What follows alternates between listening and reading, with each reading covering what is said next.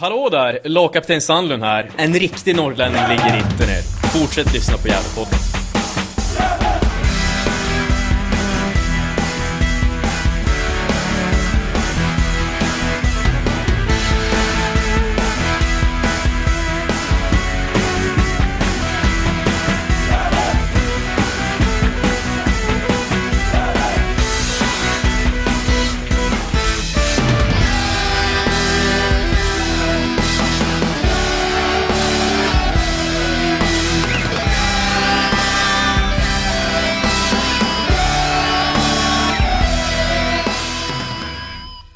Varmt välkommen till Gävlepodden. Eh, idag är inspelningen av avsnitt 212. Och eh, vi får väl passa på att tacka alla våra trogna lyssnare. Alla Gävlevänner där ute som har lyssnat på oss genom åren.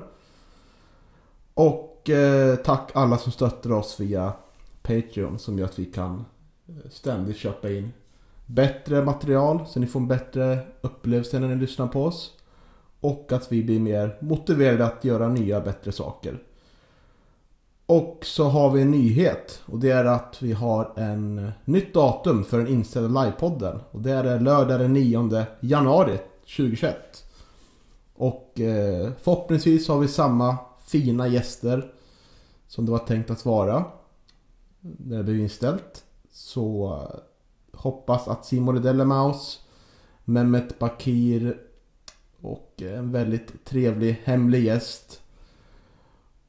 Och eh, Marcus Berglund då ska avslöja en spännande nyhet. Bland annat.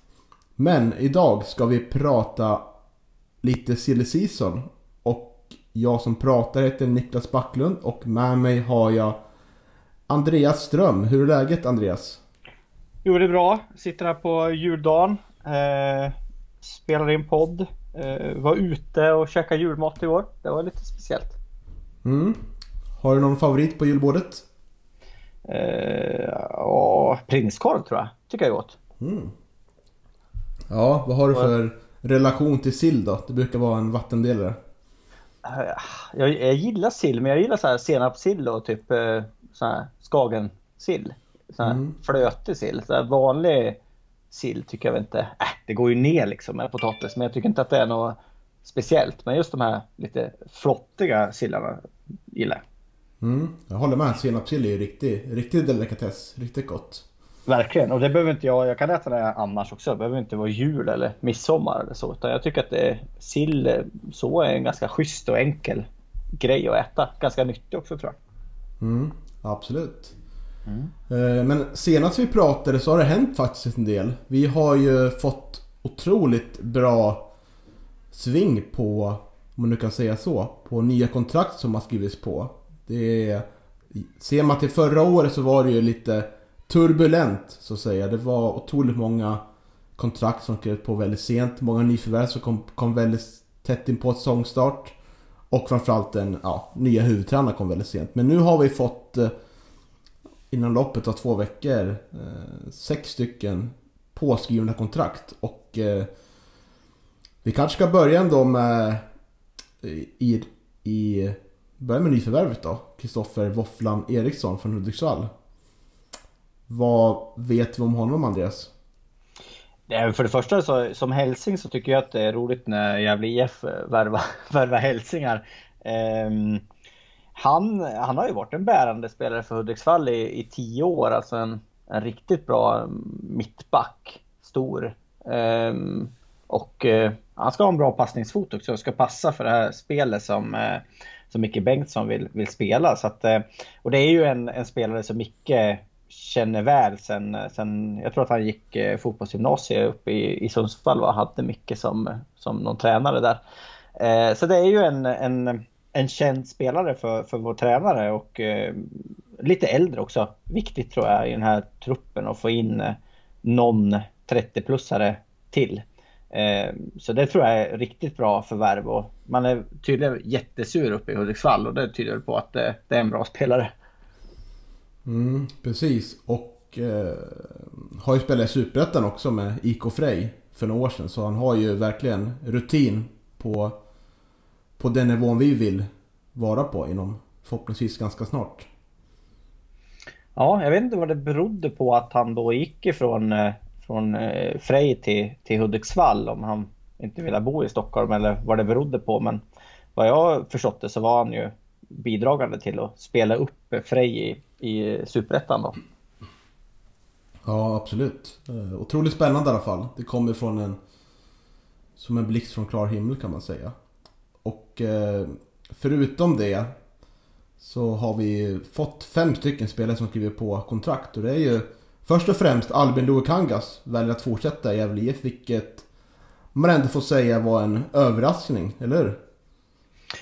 Ja, eh, det kanske det är. Jag, jag, har, jag funderar lite på det där. Jag, jag tycker nästan Loe var bättre förra året, eller han var en mer bärande spelare. Han kanske är den enda spelaren som var bättre under, under Marcus eh, Bengtsson. Eh, och jag tycker att han ah, inte gick ner sig, men han, han har inte varit liksom lika bärande kanske eh, den här säsongen. och, och och andra halvan den här säsongen. Och hade han varit det så då kanske han inte hade varit kvar.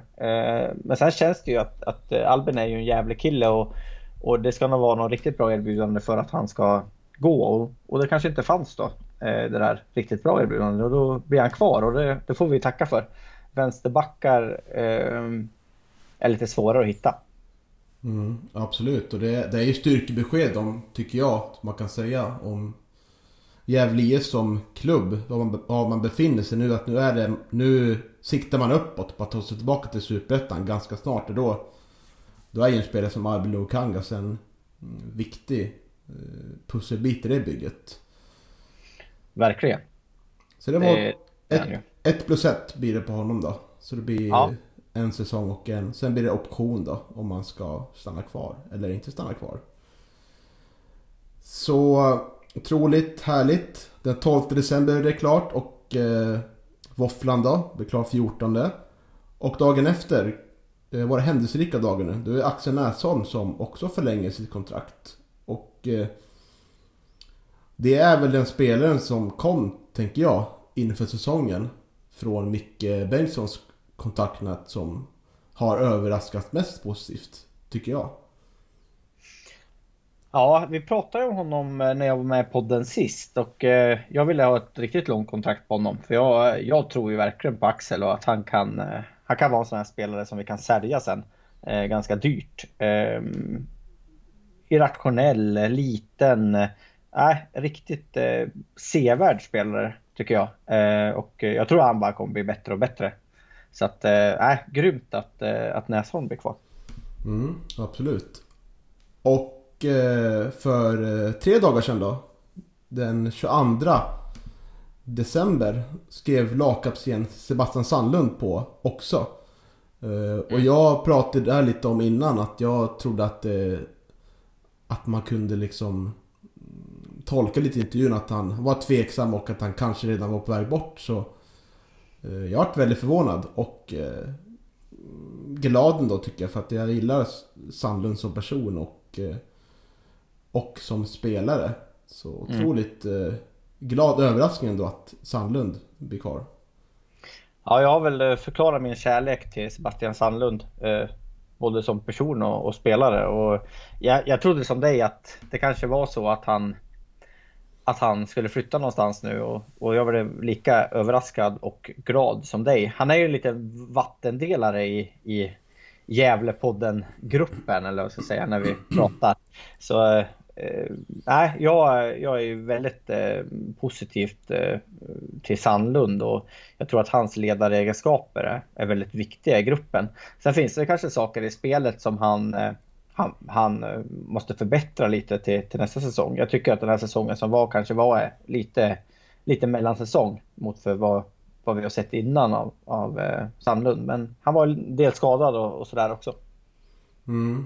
Och eh, nu med alla de här nya kontrakten så ser man ändå att det är Mikael Bengtsson tror väldigt mycket på det här spelarmaterialet han har i, i truppen. Och eh, det ska bli väldigt intressant att se. För nu verkar det så ändå som att de flesta kommer stanna kvar. Även fast vi har några spelare som ja, vi kommer komma in på som kanske inte blir kvar och kanske säljs. Men de flesta verkar han tro kommer ha en, en utvecklingspotential under kommande säsong. Vilket är otroligt spännande att...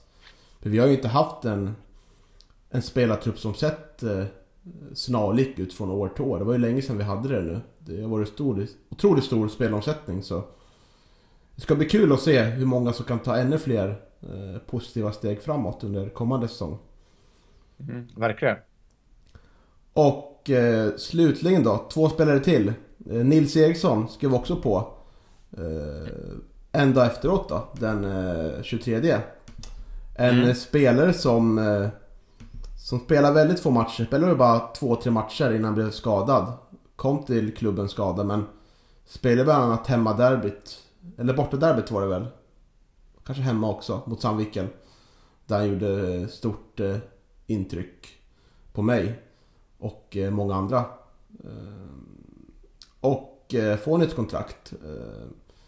Vad, vad har du att säga om Nils Eriksson? Nej, jag är lika som dig. Alltså de matcherna han spelar tycker jag att han bevisade att det finns en, en otrolig mittbackstalang där. Eh, bra fötter också, men alltså det är oroande med de här skadorna eh, som han har haft. Men det bevisar väl också hur, hur mycket Micke tror på honom som, som spelare. Att han ger honom det här. Det var ett tvåårskontrakt va? Mm. Tror jag. Eh, och eh, det är liksom innan operation. Jag vet inte om han opererar sen. Han ska operera höften va, tror jag. Så att eh, ja, det är ju det är ju oroande men eh, får de bukt med skadorna så har de en riktig klass mittback skulle jag säga. Med, med potential. Han är ju inte gammal, jag vet inte om han är 20 nu eller?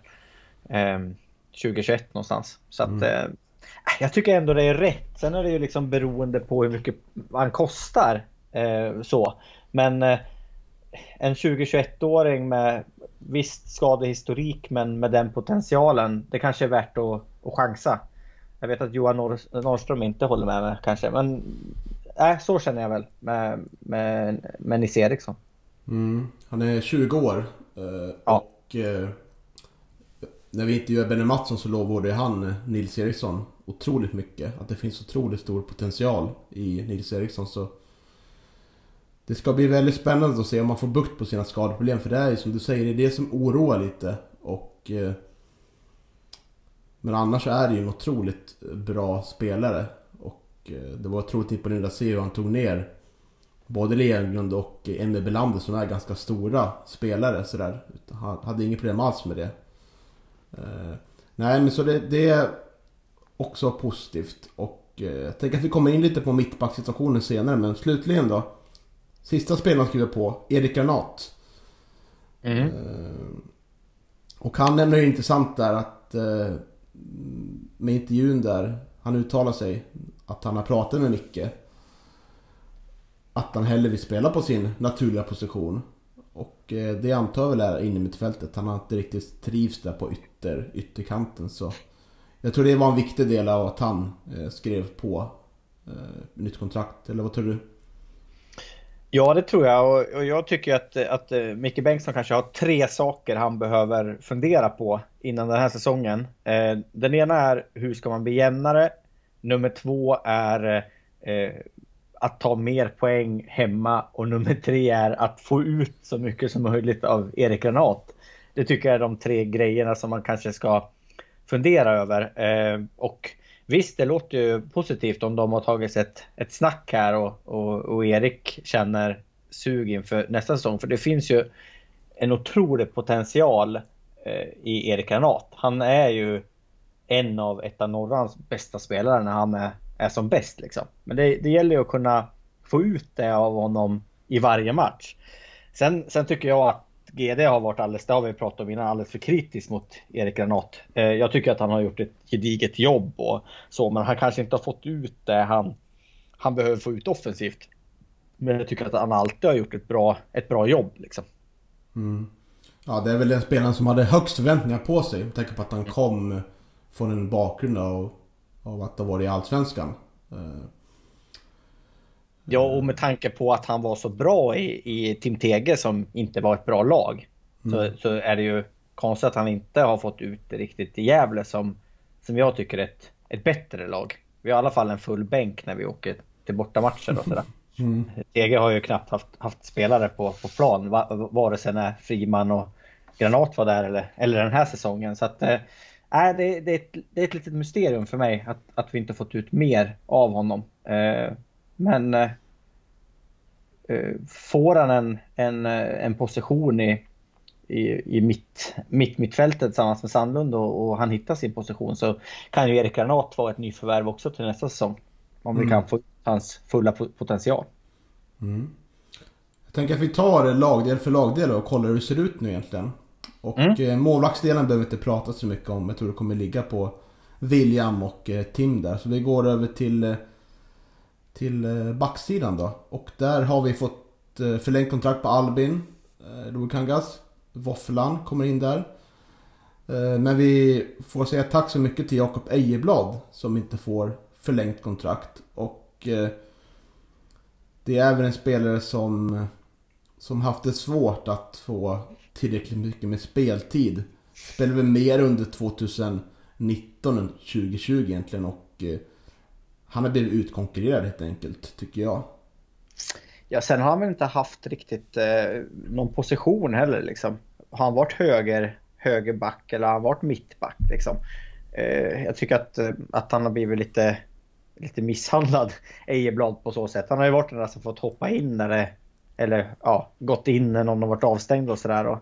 Verkar vara en skön kille, Jakob Ejeblad och, och eh, lag, eh, alltså att tänka på laget i första hand och sådär. Eh, så ja, det är ju bara att önska han lycka till och hoppas han, han kanske hittar en, en klubb eh, eh lite längre ner i, i seriesystemet i tvåan eller kanske ett bottenlag i ettan där han kan få, få speltid som mittback så tror jag att han kan eh, kan växa ut och, och bli en bra, bra mittback för division 1.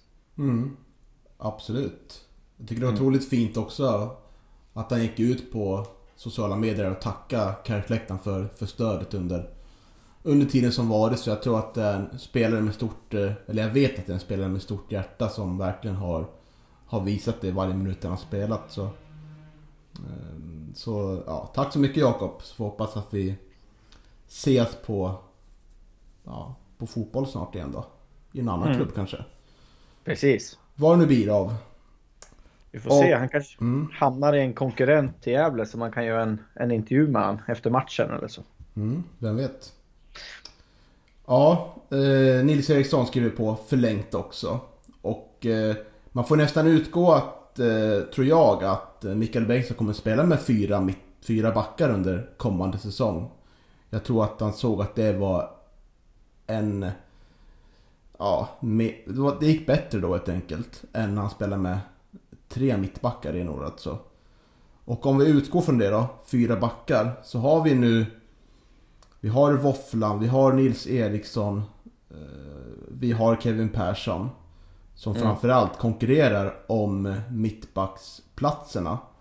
Och på vänsterkanten har vi Albin Lukangats, Emin Gadzo. Och som högerback har vi liksom ingen renodlad utan det är, det är ju eh, Nisse Nilsson då. Som han eh, kommer vara kvar för hans eh, eh optionsår utnyttjades. Som vi fattar det rätt som. Mm. Och eh, där på kanten då. Och spelare utan kontrakt här då. Det är Amadou Kalabane som inte skriver på än. Vad det är ju också en spelare som väcker känslor, minst sagt. Får man ja, säga. Jag, jag gillar ju Jaja eller Kalabane. Eh, men jag tror inte att han kommer att skriva på något nytt kontrakt. Eh, jag tror att det är Våfflan som har gått in och tagit den, den platsen. Eh, så jag tror faktiskt att, att Jaja kommer att försvinna.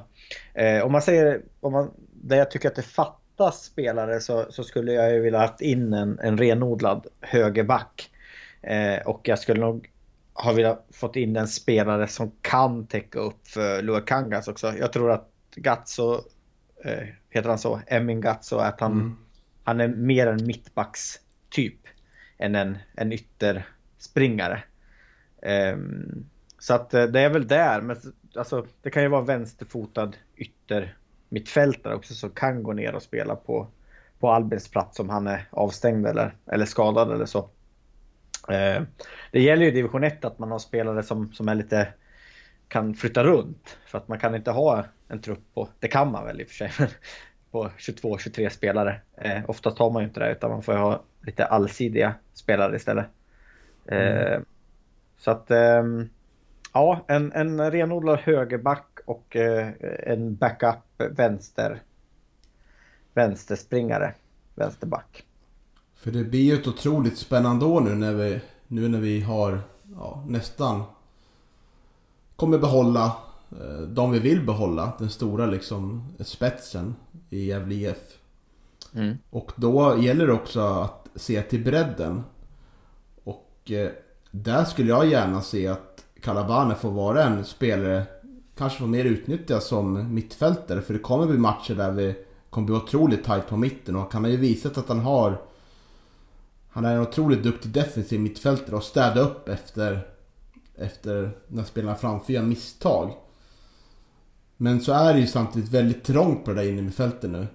Med tanke mm. på att vi vi har Oskar Karlsson kvar, vi har Adrian kvar, vi har Sebbe Sandlund kvar och eh, Granat.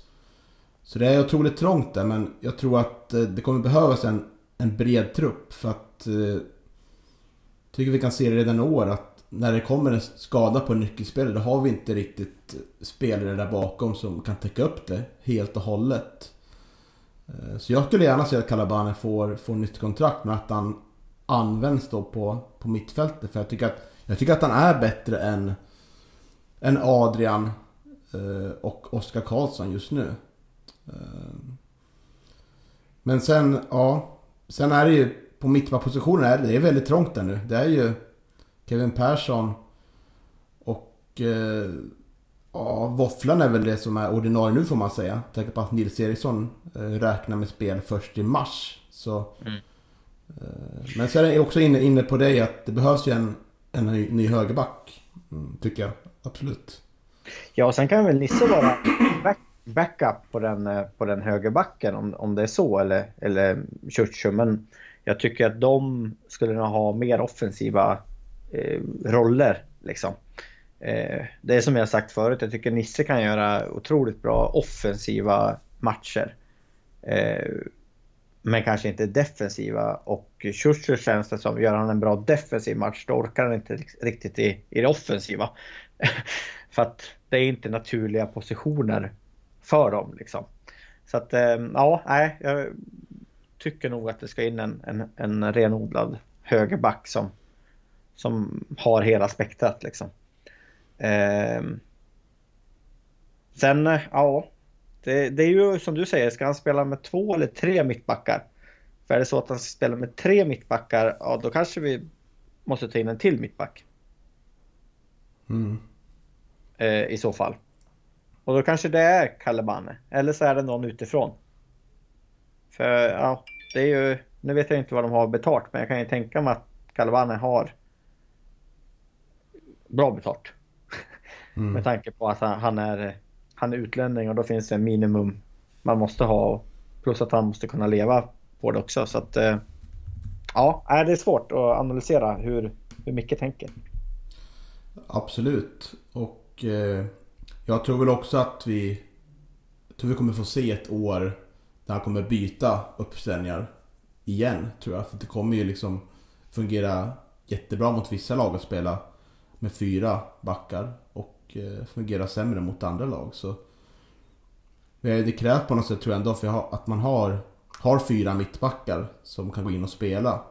Och eh, då kanske det kanske blir ett alternativ att eh, Hansemon, Theodor, som vi har mm. pratat om en del, får det här A-lagskontraktet då. Som jag vet att många efterlyser. Att det, det blir den fjärde mittbacken. För att det är eh, en spelare på, som är på gång framåt. Eh, ja, samtidigt kanske inte kostar lika mycket heller. Nej, sen är det ju så att har du en, har du en spelare som är så lovande som, som Theodor ändå verkar vara i, i juniorlaget, då tycker inte jag att du ska värva in breddspelare. Utan då kan ju han vara den breddspelaren. Utan då ska du ju bara värva in toppen, tycker jag. Mm. Eh, och kunna, kunna ösa in eh, egna juniorer som, som breddspelarna. Men då är det det att då, det är ju en avvägning om de, om de håller eller inte för, för nivån. För jag tycker också att ska Theodor upp i A-laget då, då, ska han ju kunna vara med och konkurrera också. Eh, om, en, om en plats liksom. Så att eh, det är ju en avvägning liksom. Vad mår han bäst av? Spela hur mycket som helst i U19 eller sitta på bänken i A-laget? Det är ju sådana frågor också. Mm, absolut. Vi får se hur man löser det. Det kommer säkert ja. bli klart inom någon månad. Eh, som det verkar gå jävla bra tempo det här. Ja, precis. Nu kanske har varit bortskämda nu. Mm, säkert. Mm. Men vi går över till mittfältet tänker jag. Eh, mm. Där vi har eh, några frågetecken. Men eh, Måns Bergen har ju lämnat klubben och gått till SAIK i division 2. Och det var väl inte jätteoväntat. Han fick inte jättemycket speltid förra året, Måns. Eh, tror att Daddy von division 2 kommer göra honom gott. Han var ju redan på gång till Kvarnsveden under sommaren här. Utlåning, men det sprack så.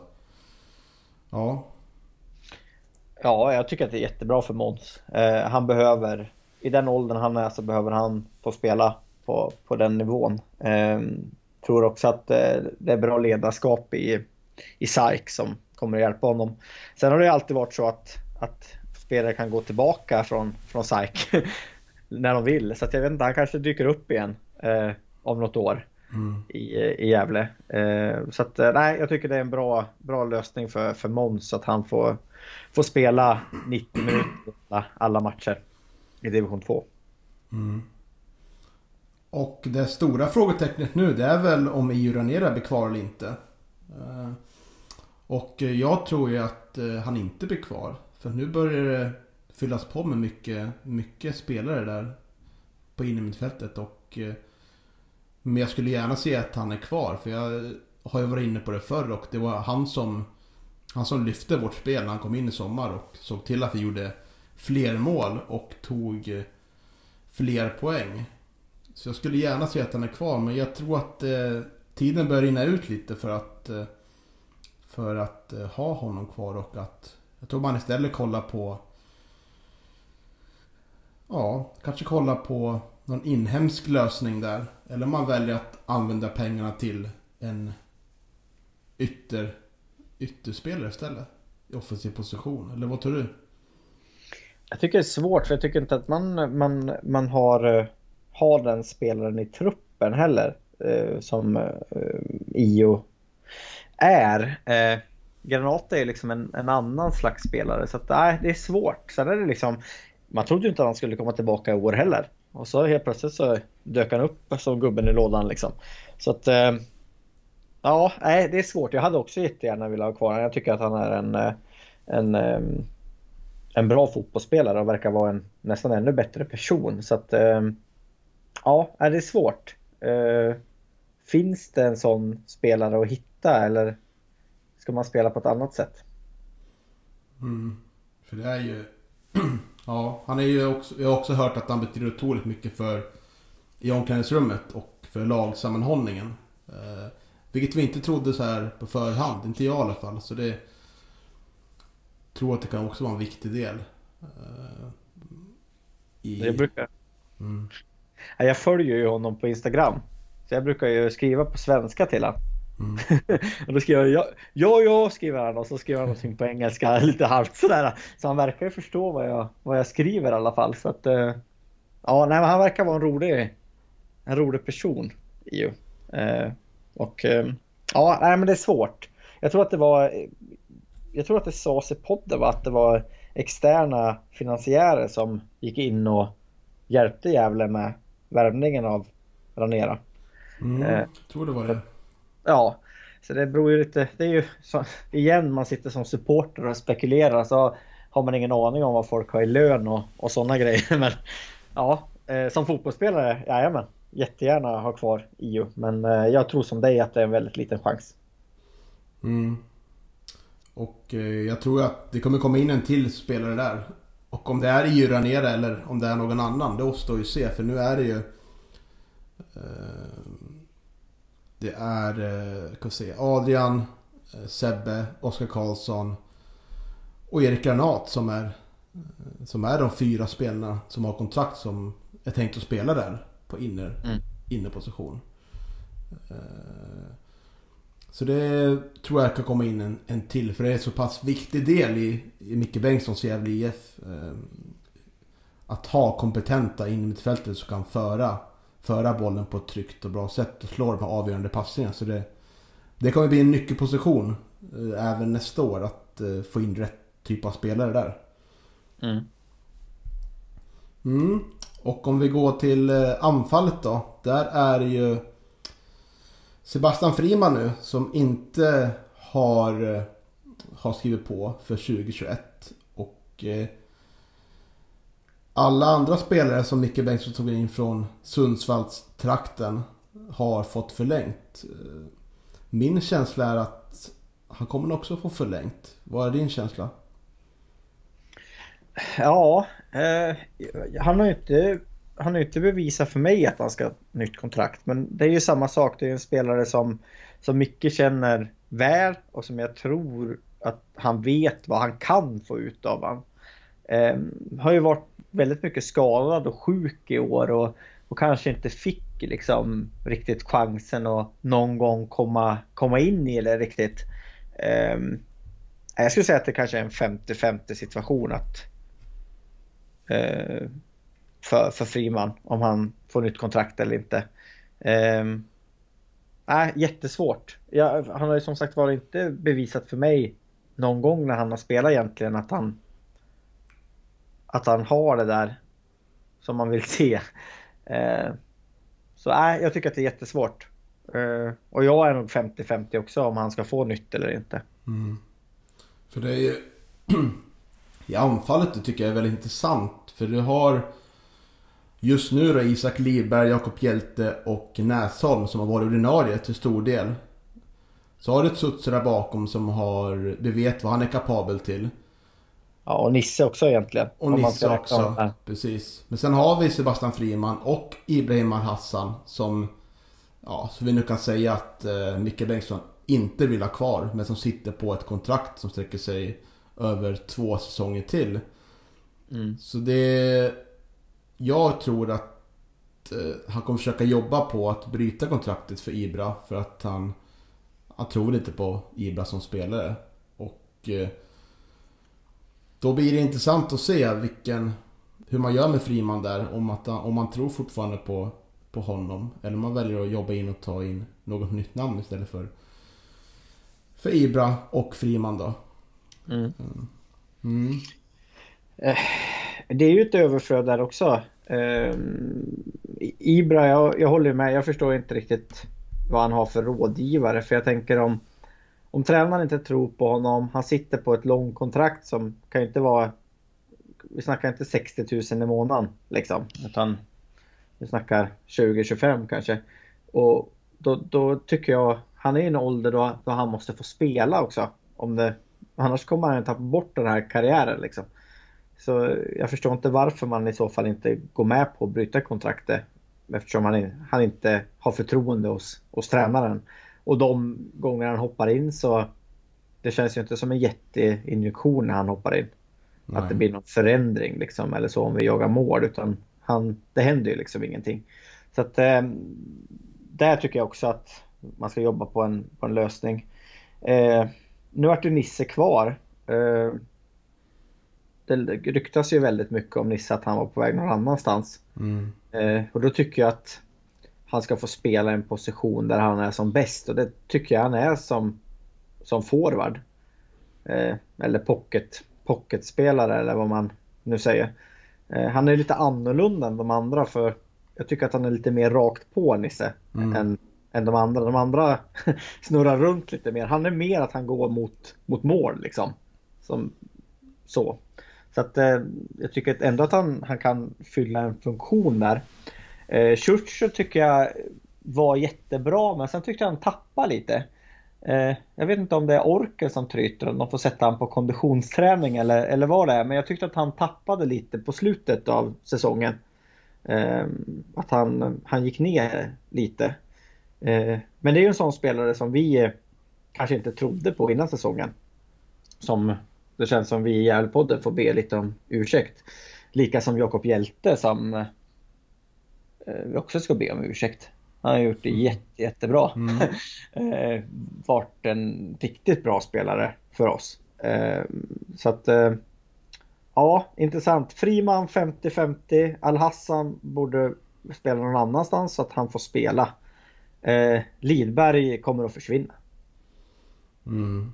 Men jag kan, innan vi går in på Lidberg då, tycker jag kan kommentera på både Tsutsu och Nisse Nilsson att de har ju använts på fel positioner förra året. De fick ju täcka upp för att vi inte hade någon riktig högerback så det blir ju en otroligt spännande konkurrenssituation i anfallet om de får användas mer där längst fram. För då är de ju som bäst i sin offensiva del. Mm. Och jag hoppas de verkligen får det. För att eh, då tror jag att de kan ta ytterligare steg nästa säsong. Men jag, jag, tycker att de konkurrerar med, med, med Axel och med, med Jakob Hjälte. Mm. Eh, Axel Näsholm. Eh, liksom. Så det är ju mellan de fyra som det kanske står i de ja, pocketrollerna. Skulle Lidberg försvinna då är vi tvungna att ersätta honom. För jag ser inte att någon av dem skulle kunna ersätta honom på det här sättet. Nej, ehm. nej precis. För Lidbergs position i laget är att han dels är väldigt duktig med boll och i djupled. Och en smart spelare men också en väldigt bra target player. Han är väldigt stark. Mm. Och där ser jag inte eh, Nisse som, som den typen av spelare. Han ska hellre gå i djupled. Det är det han är riktigt bra på. Mm. Han påminner en del om Sebastian Friman tycker jag spelsätt. De påminner mycket om varandra. De är otroligt eh, kvicka i djupled och eh, tror de kan användas eh, mycket. Mycket mm. på det sättet. Men jag ser ändå Friman liksom om han blir kvar så, så tycker jag bland dem så är han just nu nummer fem. Om två platser. Och det är ju liksom lite...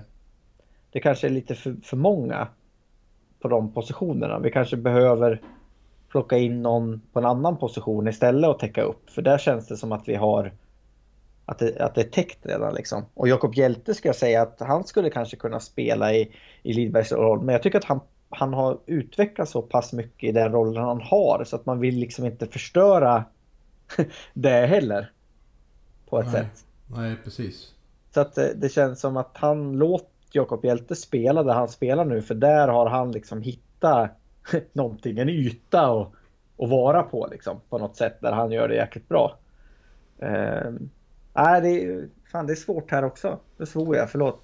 Ja, det är svårt. Ja. Det beror ju på vad de här spelarna kommer användas under, under kommande säsong.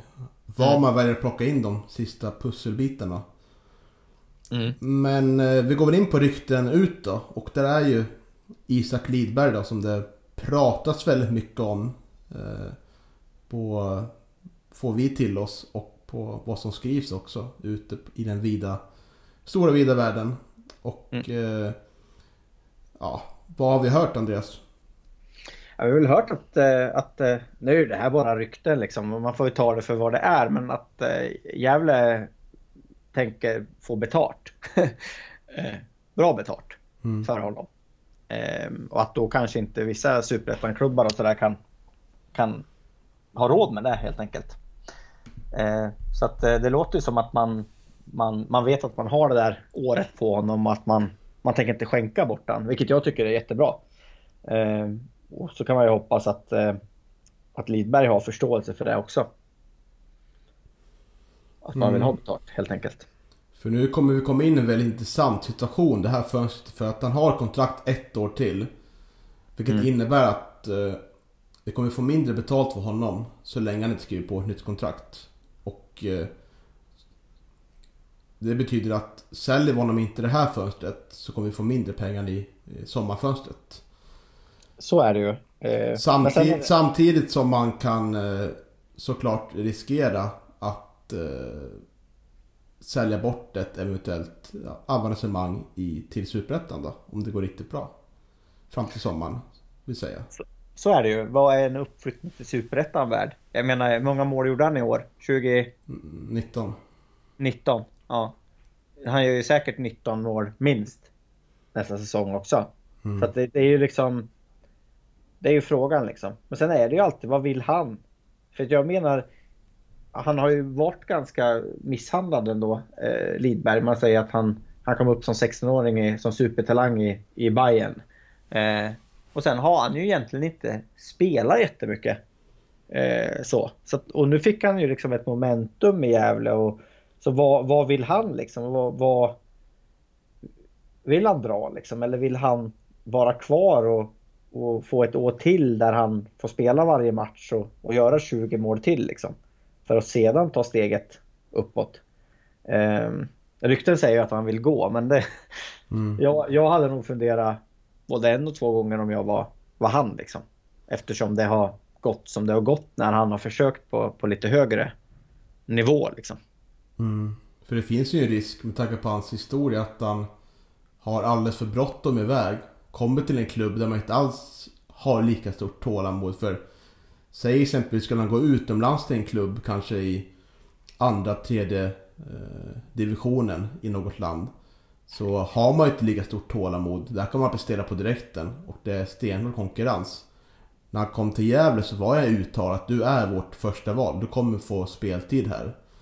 Mm. Och... Eh, säg, ha, ha, skulle han ha tålamod och stanna kvar, kvar ett år till så skulle han ha betydligt bättre utgångsläge och ett betydligt större eget självförtroende, tror jag. Eh, så, ja. Jag skulle, ja, är... skulle jättegärna ha honom kvar. Men jag skulle heller inte klandra klubben. Får man riktigt mycket betalt mm. så skulle jag absolut säga eh, sälj. Ja men så är det. Ska han vara kvar då får de ju skriva ett nytt kontrakt med honom. Och lova att sälja honom då. Mm. Efter den här säsongen till exempel. Eh, då får man ju göra en sån deal. I så fall. Och det kanske han inte är intresserad av, hans agent. Men ja, jag tycker också det att får man, får man tillräckligt bra betalt så, så säljer han. Och så försök plocka in någon som någon som kan täcka, liksom. eller kanske till och med två som kan täcka hans mål. Ja, för det är ju eh, otroligt många mål som ska köpas in. Så det, mm. eh, det blir verkligen på eh, vårt scoutingarbete då som du har in, du varit inblandad i och haft åsikter om. Kanske inte inblandad i men haft mycket åsikter om det. Det blir sätter sig på sin spets då såklart. Jag har ju varit inblandad för jag har ju skickat tips till Mikael om mm. spelare. Så att det är lite inblandad har jag varit. Sen vet jag inte om han lyssnar och tar in dem på provträning eller så. Det har jag ingen aning om. Han borde nog kanske inte lyssna på mig. Men ja. uh, ja, men sen har ju det hänt en del saker i vår uh, lillebrorsklubb här borta i, i, i väst. Sandviken har ju tappat eh, Pelle Olsson till Halmstad. Där Pelle kommer jobba som en slags eh, analytiker och scout. Vilket jag tror kommer anpassa passa honom jättebra. Eh, smart värvning av Halmstad där. Eh, men då är det lite oroligt där i spelartruppen. Och eh, Vissa spelare kommer inte vara kvar. Och en av dem är ju Leo Englund. Som det har börjat ryktas om att eh, det kanske är på gång att han går och gör den förbjudna övergången då. Får man säga till, till Gävle IF. Vår klubb. Och eh, sannolikheten i de här ryktena vet vi inte riktigt men eh, han har ju haft Mikael Bengtsson som tränare i Sundsvall va? Ja. Mm. Det har han haft. Och eh, är en väldigt bra vän med Tim Markström. Precis. Eh, jag trodde inte alls på de här ryktena från början när de kom. Eh, men eh, jag tycker att det hörs liksom från för många håll för att det inte ska ligga någon slags sanning i det liksom. Sen om det finns en påskrift eller om det är på G eller om de bara har pratat med varandra eller det har jag ingen aning om men det, det är lite för, för många det är för många som skriver om det. För att det, det skulle vara helt liksom, taget ur luften, känns det som. Mm, absolut, Sen, man, man, får den känslan av att det, att det tisslas och tasslas lite överallt. Och han har själv sagt i intervjun i England att han, att han inte stänger dörren helt. Och eh, ja, när man säger så då kan det nog ligga någonting i det här fallet. Ja, och skulle det vara så då, då tror jag att, eh, att det är någonting på G med, med, med Lidberg också, bort från Gävle. Det, det, hänger liksom ihop känns det som. För att jag tror inte att man skulle värva in Leo Englund och ha kvar eh, Isak Lidberg. Liksom. Det känns osannolikt.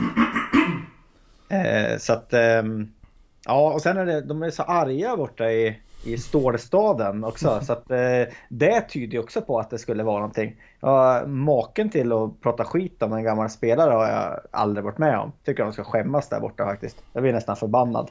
Ja. Jag menar, vi har ju varit förbannade några gånger också på Simon Lundevall till exempel till Elfsborg och sådär. Men vi har ju fan aldrig frågasatt Simon som spelare liksom. Det var väl andra saker vi ifrågasatte när vi var arga kanske att han hade skrivit på för Elfsborg och lite fult sådär. Men, ja, ja alltså nej. Simon Lundevall-gate var ju ingen som kritiserade hans spelegenskaper. Utan nej. han var ju otroligt duktig eh, som spelare. Det var ju bara det att det, det moraliska han gjorde att han skrev på för Elfsborg mitt under brinnande Gävle IF på väg att åka ur liksom. Eh, ja. ja, på serie i Elfsborg-tröja mitt under brinnande säsong. Eh, men de verkar ju tydligen prata ner hans betydelse. Ändå har han, gjorde han ju 18 mål förra året. Så Ja. Det gör, gör, gör, inte vem som helst i ettan norra. Det säger sig själv att uh, man pratar inte ner en spelare man tycker är dålig heller. För det skiter man i om den spelaren går någonstans. Det är ju när en bra spelare som går som man blir förbannad. Så att uh, Leo Englund är ju en otroligt bra spelare. Mm. Så att, Och, uh, ja. Under de två senaste åren har han gjort i, i ettan norra, han har gjort 35 mål på 56 matcher. Och det är ju otroligt bra facit. Uh, nej men jag håller med det du säger att jag tror inte att han och Lidberg kommer vara i Gävle IF samtidigt. Ser väl inte hur det ska kunna... Uh, de tar ut lite varandra tycker jag. Jag, tror att, jag tycker inte att Leo Englund är lika, lika explosiv och snabb och sådär. Han är ju mer av en target player än vad Lidberg är. Mm. Uh, Lidberg är också det fast han har fler egenskaper. Båda är samtidigt väldigt bra målskyttar. Svårt att se Leo Englund, Isak Lidberg och Jakob Hjälte i tre anfall tillsammans. är ganska tung ändå. Mm. Känns det som. Uh, men ja, det, det, det sägs ju att Leo Englund inte kan spela något annat än 4-4-2 också. Så bara det skulle vara intressant att se om han, om han uh, jag tror att alla spelare kan anpassa sig. Så att, eh, men ja, han är väl mer än en 4-4-2 forward kanske, Leo Englund. Mm. Mm. Ja, det vore ju verkligen en bomb som det har liksom... Eh, som det har pratats om på sociala medier. Det, vore ju, det här kanske är en bomben för att... När man gick igång på det där, när det stod bomben och eh, när Sebastian Zettergren på Gävle skrev vill ha en, vi alla Gävle-supporter ha en julklapp. Så mm. Jag varit lite besviken. Eller ja. besviken och besviken med de här spelarförlängningarna med Granat och sånt. För jag tycker inte det är... Det är ingen bomb enligt mig utan det är mer så här Något som är väldigt bra. Men en bomb ska ju verkligen vara någonting som får, får folk att verkligen eh, chockas och eh, ingen såg det komma. Och då är ju Leo Englund verkligen en, en sån nyförvärv från, från värsta rivalen. Ja. Ja, men så är det ju. Alltså när, när eh, jag förstod att det var eh, Sandlund som var bomben. Då vart man ju lite besviken ändå. Även om jag var jätteglad för att Sandlund skrev på nytt och, och så. Så nej, jag håller med dig. Det här bomb, eh, bombordet blev lite underminerat. Mm. Mm. Men Granat var ju en bomb på sitt sätt. Mm, var det det, tycker du? Nej, men det var mer att han hette Granat. Ja. ja. Trött ordvits. ja, jag har bott för länge i Göteborgstrakten. Det blir bara eh, trötta ordvitsar. Ja. Ja. Men vi har väl inga mer riktigt konkreta rykten sådär? Uh, varken in eller ut va? Uh, eller har du hört någonting som jag missat? Nej, det finns ju lite rykten men vi, vi kanske ska spara det till nästa, nästa podd där. Mm. Ta det då. Om vi har lite mer kött på benen kanske. Mm. Då går vi vidare till eh, Gävle IF har ju dragit igång någonting som heter supportersponsor. Som har, eh, har ju funnits tidigare också. Men det innebär att man betalar 18, 1882 kronor då. Eh, för att eh, synas på eh, bänkarna nere vid Galevallen. Eh, kampanjen heter då Vi står bakom er. Så får man sitt namn där om man betalar in 1882 kronor. Och så får man en säsongsbiljett till, eh, till nästa säsong då. Bland annat. Eh, och en uppdatering där, de har fått in eh, 62 namn som vill vara med och sponsra Gävle IF kan man säga. Och strax över 125 000 kronor. Så det är otroligt viktigt för att behålla den fina kvaliteten vi har på vår spelartrupp. Och för att se till att de som jobbar för Gävle IF är kvar. Eftersom det har varit ett ganska tufft år ekonomiskt, eller? Ja, det måste det ju ha varit. Det har det ju varit för alla, alla föreningar egentligen. Eh, jag tycker det är lite anmärkningsvärt hur mycket hockeyn har fått ut av de här eh, statliga pengarna. Men det, det kan ni ta en annan, en annan podd. Men eh, ja, det är ju tungt alltså. När det inte får någon publik på, på plats. Och, och företag går på knäna och så. Så att varje krona räknas. Mm. Och vi kan ju nämna också att eh, Hugo Ådvall har gjort en intervju med eh, ordförande Malin Rogström där hon uttalar sig om ekonomin och den ser ju ut att gå plus minus noll förhoppningsvis. Vilket är glädjande. Verkligen. Ja, jag tänkte att vi ska avsluta med... Så vi fått in en spelare nu som har det eminenta smeknamnet Våfflan. Jag tyckte vi ska gå igenom Jimmy Morén, vår käre vän, som har den fina Eh, Eh, bloggen 442 som samlar statistik om Gävle IF. Har ju gett ut på Twitter och gjort till topp 10-spelare med smeknamn. Och eh, vi pratade lite innan här Andreas, det var ju mer vanligt förr med, med smeknamn. Eh, det börjar ju fejda ut lite här.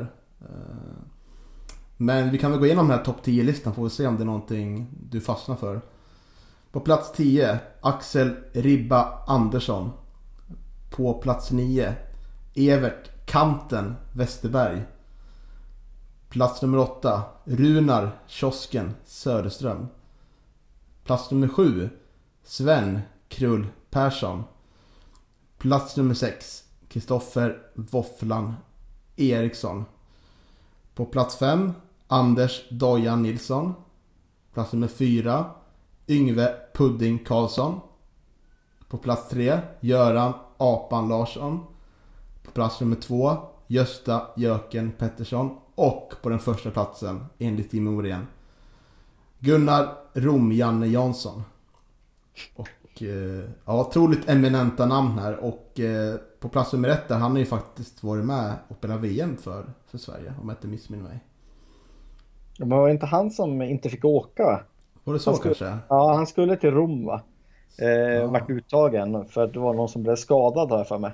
Och så åkte han ner till Stockholm men eh, då kom den där som hade varit skadad.